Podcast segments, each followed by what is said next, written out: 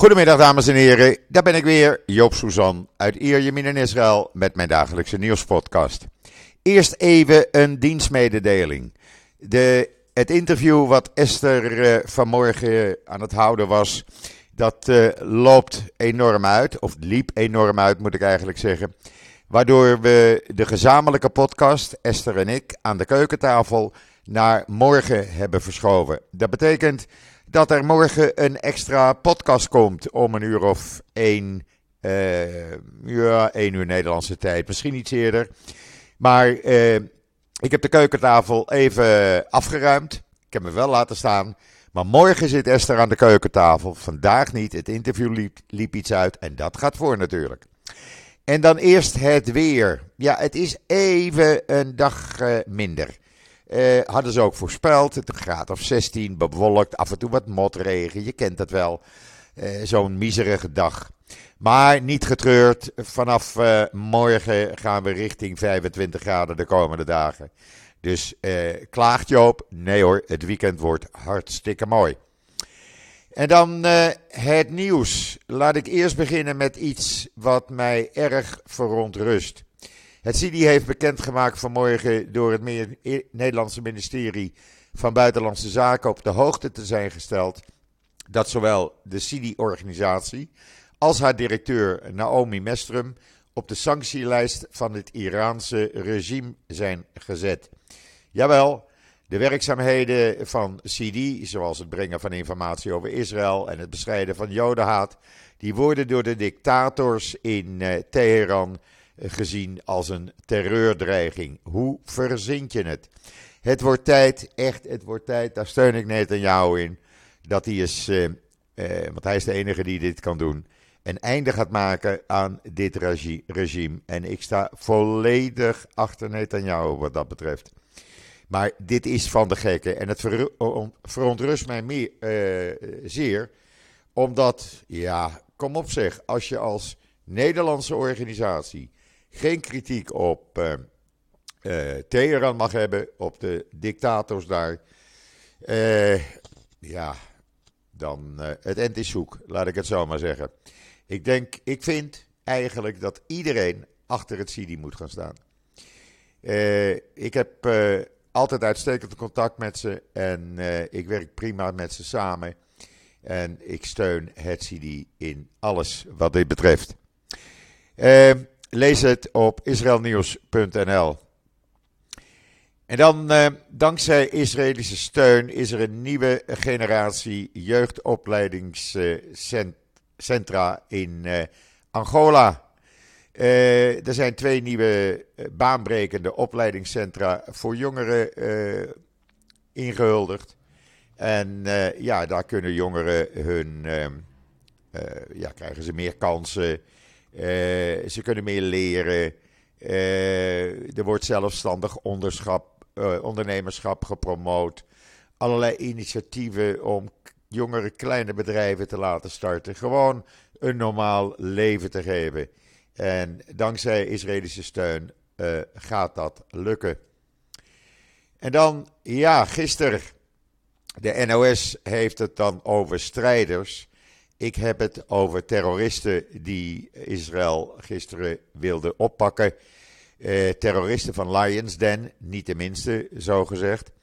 Eh, ja, die lieten zich niet oppak, oppakken. Die hadden zich verscholen in een uh, appartement. Begonnen te schieten. Daar ontstond een enorme schietpartij uit. Waarbij ook andere, vonden, andere Palestijnen vonden dat ze moesten gaan schieten op de IDF. Op de soldaten. Uh, dat werd een schietpartij waarbij uiteindelijk tien Palestijnen omkwamen, waarvan zes terroristen en 102 gewond raakten, zover bekend. Het zijn geen strijders, NOS. Het zijn terroristen die onschuldige Joden, Israëli's, uh, uh, ja, vermoorden, laat ik het zo maar zeggen. Ik heb er anders geen woord voor. En als jullie dat strijders noemen, nou, je gaat je gang maar. Voor mij en voor vele anderen blijven het terroristen. Uh, en als uh, Lions Den vindt dat ze moeten gaan schieten, nou dan moet je dat vooral gaan doen op Israëlische troepen Die weten namelijk hoe ze gericht terug moeten schieten. In ieder geval, de terroristen die gezocht werden en twee andere of vier andere zijn daarbij om het leven gekomen. Het is altijd uh, te betreuren als er onschuldigen uh, ook om het leven komen of gewond raakte, raken. Maar ja, dan moet je niet in die vuurlinie gaan staan. Uh, dan moet je zorgen dat je weg bent. er werd rekening mee gehouden en het gebeurde ook. Vanmorgen om een uur of half vier ging het alarm op mijn telefoon af. En ja hoor, er waren zes raketten richting Israël afgevuurd. Waarvan uh, eentje op uh, onbewoond gebied terecht kwam. En vijf door de Iron Dome uit de lucht werden geschoten. De IDF heeft daarna om een uur of zes, half zeven vanmorgen twee wapenproductiefaciliteiten van Hamas uh, aangevallen en vernietigd. Dat kan je allemaal zien in video's op uh, israelnieuws.nl. Uh, als Hamas uh, of wie dan ook vanuit Gaza vindt dat ze raketten op Israël moeten afschieten, dan moet je dat vooral gaan doen. de NOS zal dat wel weer strijders noemen. En zal zeggen dat het waarschijnlijk vuurpijlen waren. Nou, NOS, je gaat je gang maar. ik krijg de persberichten, ik krijg de persmappen, ik krijg de tekeningen. Je kan zien wat er precies geraakt is. En als uh, Hamas dan vindt dat ze vooral uh, die wapenopslagplaatsen in een gebied moeten doen, omsingeld. Die wapen, de, een van die wapenopslagplaatsen was omsingeld door een hotel, een moskee, een politiebureau, een uh, medische kliniek en een lagere school. Want ja, je doet bij voorkeur al dat soort gevaarlijke dingen tussen bewoond gebied waar onschuldige mensen wonen. En dan had de IDF een interessant verhaal. Niet bang in het donker. Hoe je in het donker kunt vliegen met behulp van nachtkijkers via uh, in de beroemde helikopters die de kust bewaken hier onder andere in Israël. Het is een heel verhaal geworden. Ik vond het een hartstikke interessant uh, verhaal. En heb het ook online gezet. Er zit ook een mooie video bij van die uh, Apaches. Eh, die over een tijdje vervangen gaan worden. En er wordt precies uitgelegd hoe ze het doen, hoe ze vliegen in de nacht en hoe ze Israël veilig houden s'nachts. Een hartstikke interessant verhaal.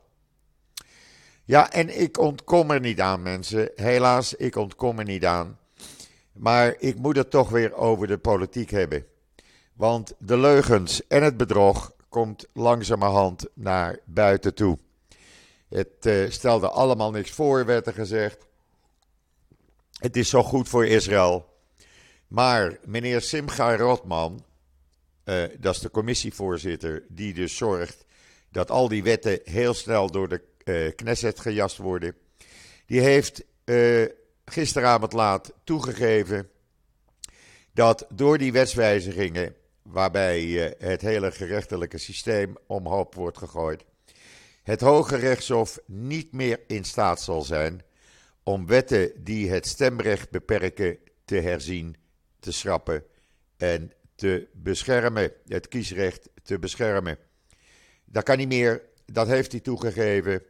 Uh, het was de vrees van velen.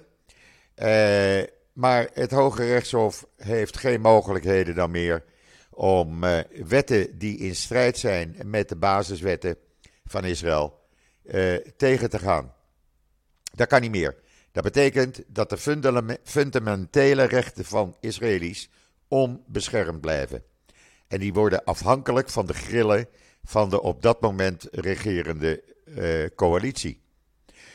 Ja, uh, wat moet ik hiervan zeggen? Ik kan me er alleen maar kwaad om maken. Want we worden met leugens en bedrog gewoon het bos ingestuurd. Gisteren bijvoorbeeld zijn er allerlei in eerste, stemming, uh, eerste stemming allerlei uh, wetten even snel er doorheen gejast.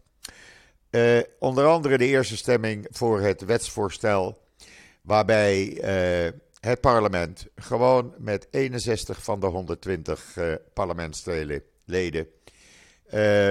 wetten er doorheen kunnen jassen zonder dat het Hoge Rechtshof hier nog enige invloed op heeft.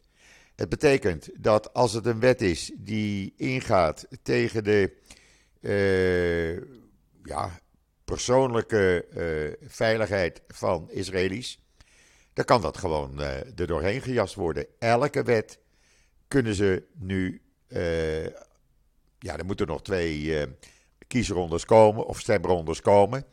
Maar daarna, als deze wet er doorheen is gejast naar de derde ronde, dan, uh, ja, dan staan we dan met lege handen. En dat is een van de redenen waarom wij demonstreren op zaterdagavond en andere dagen. Ik doe het dan alleen zaterdagavond, want dit kan gewoon niet. Je hele persoonlijke uh, veiligheid wordt aangetast. Er komt een wet bijvoorbeeld dat je op zaterdag niet meer mag autorijden. Nou, er zijn maar 61 uh, Knessetleden, hoeven daar maar voor te stemmen. En hij is er doorheen. En uh, we moeten onze auto laten staan op Shabbat. Want zo makkelijk kan het dan. Want het Hoge Rechtshof heeft hier geen invloed meer op. Begrijpt u waarom wij demonstreren? Ik hoop het. Uh, gisteren ook eventjes een wet de grond ingeboord. het was een wetsvoorstel van de oppositie om eindelijk adoptie voor koppels van hetzelfde geslacht mogelijk te maken. Nou, dat ging natuurlijk niet met deze regeringscoalitie. En wat opviel, is dat de openlijk uh, uh, gay zijnde voorzitter van de Knesset, Amir Ogana, ook voor uh, of tegengestemd heeft. En dat valt me dan weer van hem tegen. Is hij dan zo bang?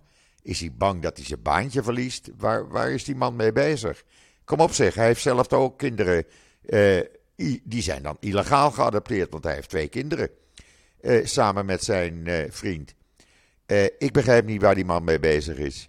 Maar hij ontzegt dit plezier anderen dus, die in dezelfde situatie als hij zitten. En ja, dat toont een beetje het niveau. En gisteren is ook de eerste stemronde geweest van de wet die de invloed van eh, de rabbijnse rechtbanken vergroot. Mits beide partijen ermee akkoord gaan, kunnen ze ook civiele zaken gaan behandelen. Nou, neem, maar mij, neem van mij maar aan dat er druk zal worden uitgeoefend op partijen in die omstandigheid. Om dat door de rabbijnse rechtbank te laten behandelen en niet door een civiele rechtbank. Eh, dat gaat in ieder geval bij uh, ultra-orthodoxe partijen gelden dan. Eh, dan is er vandaag een uh, landelijke schoolstaking. Alle scholen staken. En waarom staken ze? Nou, uh, deze regering heeft het plan opgevat om de scholen te laten subsidiëren door de, de gemeentes. Maar het geld wat daarvoor beschikbaar is, wordt verminderd. Dat betekent dat lokale autoriteiten de gemeentebelastingen moeten verhogen met een behoorlijk niveau om nog enigszins subsidie aan scholen te geven. Nou, dat kan natuurlijk niet. En daar vandaan uh, wordt er overal gestaakt, behalve uh, in Jeruzalem. Daar doet men het niet, omdat daar veel ultra-orthodoxe scholen zijn ja, en die zijn natuurlijk uh, voor alles wat deze regering uh, van zins is. En dan is gisteren ook de eerste stemronde geweest. Ja, sorry, ik ontkom er niet aan, maar ik moet het jullie gewoon meedelen. Wil je weten wat er hier gaande is? Uh, is er ook de eerste stemronde geweest van een wet die het verbiedt om tijdens Pesach gezuurde voedsel, gezuurde goederen uh, openbare ziekenhuizen in te brengen. Tot nu toe werd dat altijd vrijwillig gedaan. Iedereen hield zich eraan. Zelfs niet-Joden, christenen, moslims.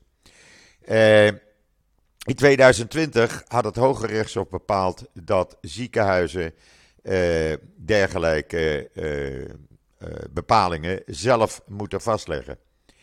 Nu wil men dat middels een wet doen. Ik heb het in de tijd zelf meegemaakt toen mijn meisje uh, in het Igilov ziekenhuis lag. Ook tijdens uh, Pesach was dat. Toen begon ze trouwens aan haar eerste chemokuren. En ja, wij namen geen, geen brood of wat dan ook. alles wat verboden was tijdens Pesach nam je niet mee. Dat doe je gewoon niet. Maar nu wordt dat dus middels een wet van boven opgelegd. Ik vind dat toch een stukje vrijheid afpikken. Zo voelt het voor mij. Iedereen hield zich er vrijwillig aan. En je kan christenen en moslims niet verplichten om uh, zich hieraan te houden. Of moet je die mensen dwingen dan naar niet-Israëlische uh, uh, ziekenhuizen te gaan, naar Palestijnse ziekenhuizen, waar de zorg veel minder is, de medische zorg. Kom nou, dit kan gewoon niet, echt niet. Het ging altijd goed. Het is altijd goed geweest. Niemand had er een probleem mee. Het is gewoon een idee van uh, de ultra-orthodoxe partijen. Die laten zien: kijk, wij zitten ook in deze regering. En wij hebben ook wat te zeggen.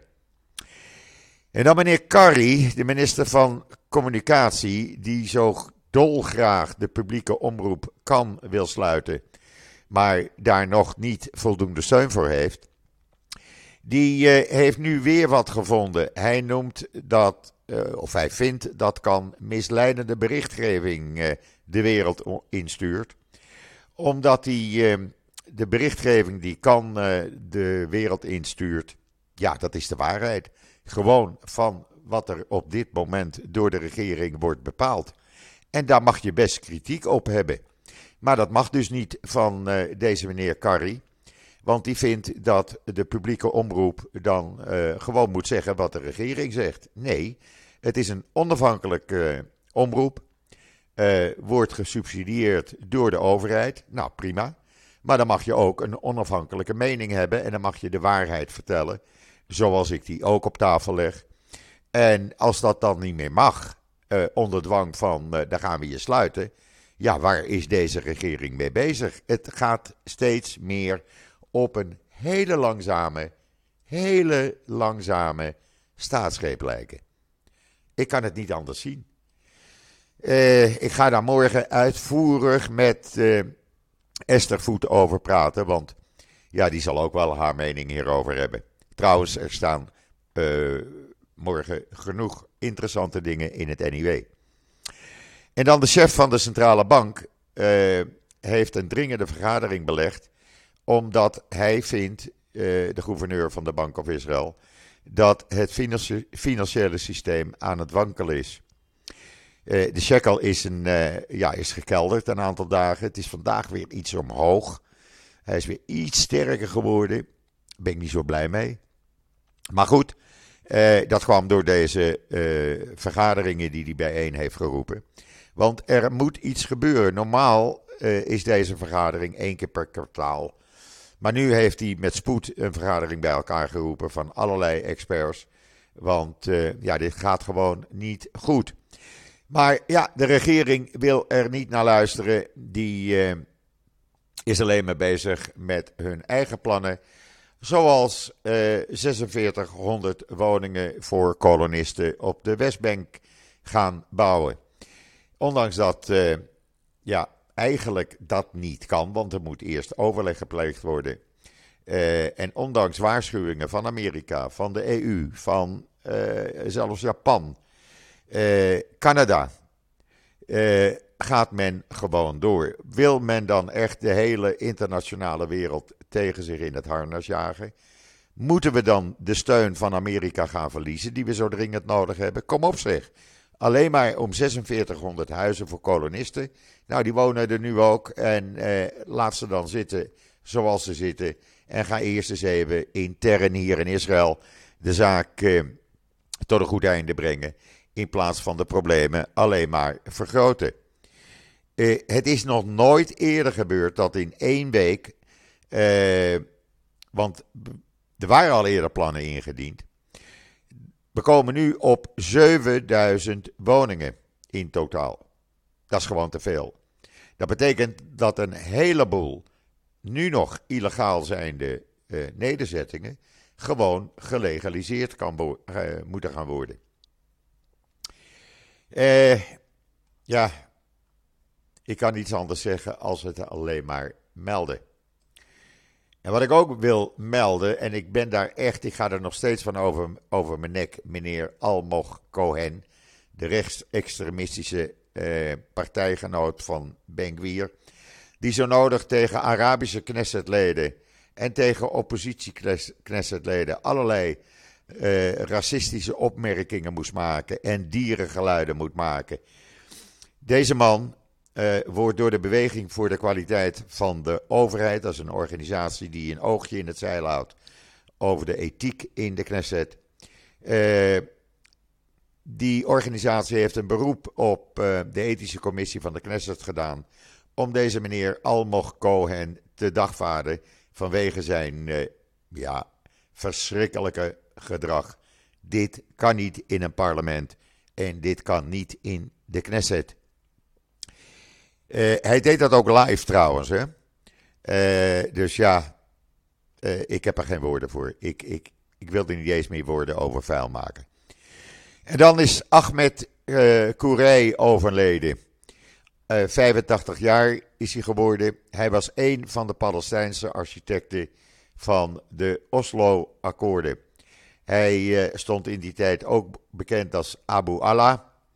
Hij was decennia lang topfunctionaris in de Palestijnse autoriteit. Had ontmoetingen met Sipi Livni, met uh, Ehud Barak, zelfs in Camp David. Uh, ja, uh, heeft veel, veel betekend. En hij is helaas overleden. Staat in Haaretz. En dan Zelensky, die heeft tegen de bezoekende Knessetleden Edelstein van Likud en Elkin van de partij van uh, Benny Gans heel duidelijk laten blijken dat hij het zeer op prijs zou stellen als Netanyahu op korte termijn een bezoek aan Kiev brengt. Als, als diplomaat uh, heeft Netanyahu natuurlijk een streepje voor. Hij ja, staat toch nog in hoog aanzien en ik vind dat, dat, dat hij dat ook verdient als diplomaat wereldwijd. Alleen ja, hier in Israël doet hij het even niet goed. Maar dat heeft te maken met de druk waaronder die staat. Uh, Zelensky uh, heeft de informele uit, uh, uitnodiging verlengd. Die hij eerst had gedaan aan de Israëlische minister van Buitenlandse Zaken, Cohen. Die er vorige week was. En hij heeft hem nu herhaald tegenover Edelstein en Elkin. Nou, Netanyahu kennende, denk ik gewoon dat dat wel eens heel snel zou kunnen plaats gaan vinden. Dat zou uh, ook voor de PR van Netanyahu natuurlijk erg goed zijn. En dat is de hele Europese parlement en de Europese Unie en weet ik van wat we allemaal van de EU hebben. Die zijn pisnijdig. En waarom zijn ze pisnijdig? Omdat Israël uh, Anna Miranda het uh, land niet liet, liet inkomen. Zij uh, nam deel aan een uh, uh, missie van de EU naar de Palestijnse gebieden. Ze kwam het land niet in. En waarom niet? Omdat ze er in 2015 uit is gezet. Want toen moest ze zo nodig deelnemen aan het Gaza-flotteren. En ja, daar betaalt ze nu de prijs voor. Daar kan je wel in het EU-parlement zitten. Maar als je Hamas-fan bent en zo nodig een aantal jaren geleden met, die, uh, met een van die boten mee moest om uh, uh, naar Gaza te varen. Ja, daarbij, daar, daar kom je nu het land niet in. Klaar. En dan mag je tien keer in het parlement zitten van de Europese Unie. de rest van de delegatie kwam erin. En jij kon weer linea recta naar huis. Ze werd zes uur vastgehouden. En uh, daarna werd ze op de eerste vlucht naar Spanje gezet. Staat in de Engelstalige Ynet. En dan in uh, de Times of Israel vandaag een heel mooi verhaal. Want de ruïnes van de Turkse stad Antakya, die ja, zo goed als vernietigd is bij die aardbeving. En waarbij ook de leiders uh, in die stad van de Joodse gemeenschap om het leven zijn gekomen. Die vertellen een rijk verhaal nu, die ruïnes. Die uh, laten zien hoe het ooit was. Het is een prachtig verhaal in uh, The Times of Israel over deze oude stad Antakya, die vroeger bekend stond in de oudheid als Antiochië. En uh, ja, was al eerder verwoest tijdens aardbevingen. Antiochië bestaat al, is gebouwd in 300 voor Christus. Zo oud is hij al, tijdens Alexander de Grote. Er zitten mooie foto's bij. Ik vind het een aanrader. Ga het even lezen. En dan vond de Palestijnse vrouw het vanmorgen weer nodig om te proberen Israëlische veiligheidsbeambten neer te steken bij Male Adumim, zuidelijk van Jeruzalem, op de weg naar de Dode Zee, zullen we maar zeggen. Nou, dat kon ze wel proberen, maar ze werd neergeschoten en geneutraliseerd. Hoe haar toestand is, is niet helemaal duidelijk. Dat zegt het verhaal verder niet. En dan eindelijk, eindelijk uh, hebben twee ouders van hetzelfde geslacht uh, eerste baby via draagmoederschap in Israël gekregen. Hoe mooi is dat? Uh, het was een babymeisje, is in januari ter wereld gekomen. Is nu bekend geworden. Staat allemaal in de Jeruzalem Post. Is ook door tussenkomst van het Hoge Rechtshof dat dit kan. Zo zie je maar weer hoe belangrijk dat is. En ja, ik ben blij voor deze twee mannen die nu ook hun eigen kindje hebben. Ze hadden er lang op gewacht, vertelden ze aan Waarnet.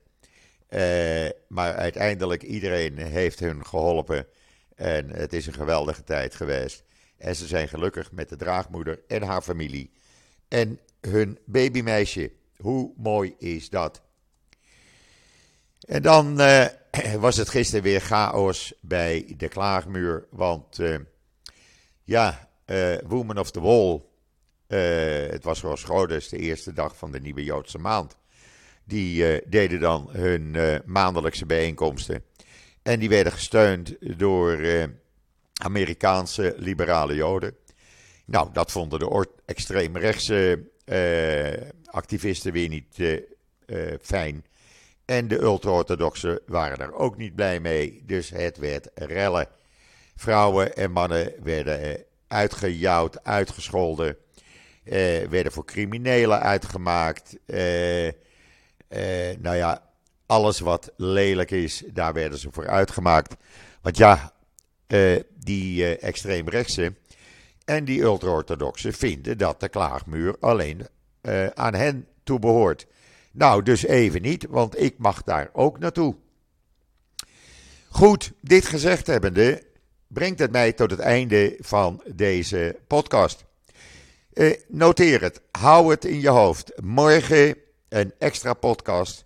Esther en Joop aan de keukentafel. Ongebruikelijk op vrijdag, maar nou, luister, dan heb je een heel weekend om uh, ernaar te luisteren. We gaan er een mooie podcast van maken. Nogmaals, Esther kon. Uh, op het laatste moment niet. Haar interviews liepen uit. En ze zegt: Joop, wil jij op je weekend gaan uh, een podcast gaan maken? Natuurlijk, Esther, voor jou en voor uh, de luisteraars heb ik alles over. Dus morgen om een uur of uh, één, tussen 1 en 2 Nederlandse tijd, misschien eerder, is de podcast online. een extra toegift, zullen we maar zeggen. Als jullie nog even aan foliumpot met een d.com willen denken en eens kijken of er nog een eurotje voor Joop is, want alles gaat maar omhoog, al mijn abonnementen, ook voor de podcast trouwens, is weer omhoog gegaan. Uh, graag. Ik ben iedereen enorm dankbaar die de afgelopen dagen uh, af en toe wat heeft overgemaakt. Eh, zowel via de donatieknop op de website op israelnieuws.nl als via eh, met een d.com. Heel simpel, elke euro is welkom. En van elke 2 euro gaat er nog steeds 50 eurocent naar het Alleen Kinderziekenhuis. Bij voorbaat, hartstikke bedankt. Goed, wens ik iedereen nog een hele fijne voortzetting van deze donderdag, de 23 februari. Joop is er morgen weer, samen met Esther. Dus zeg ik bij uitzondering: tot ziens, tot morgen.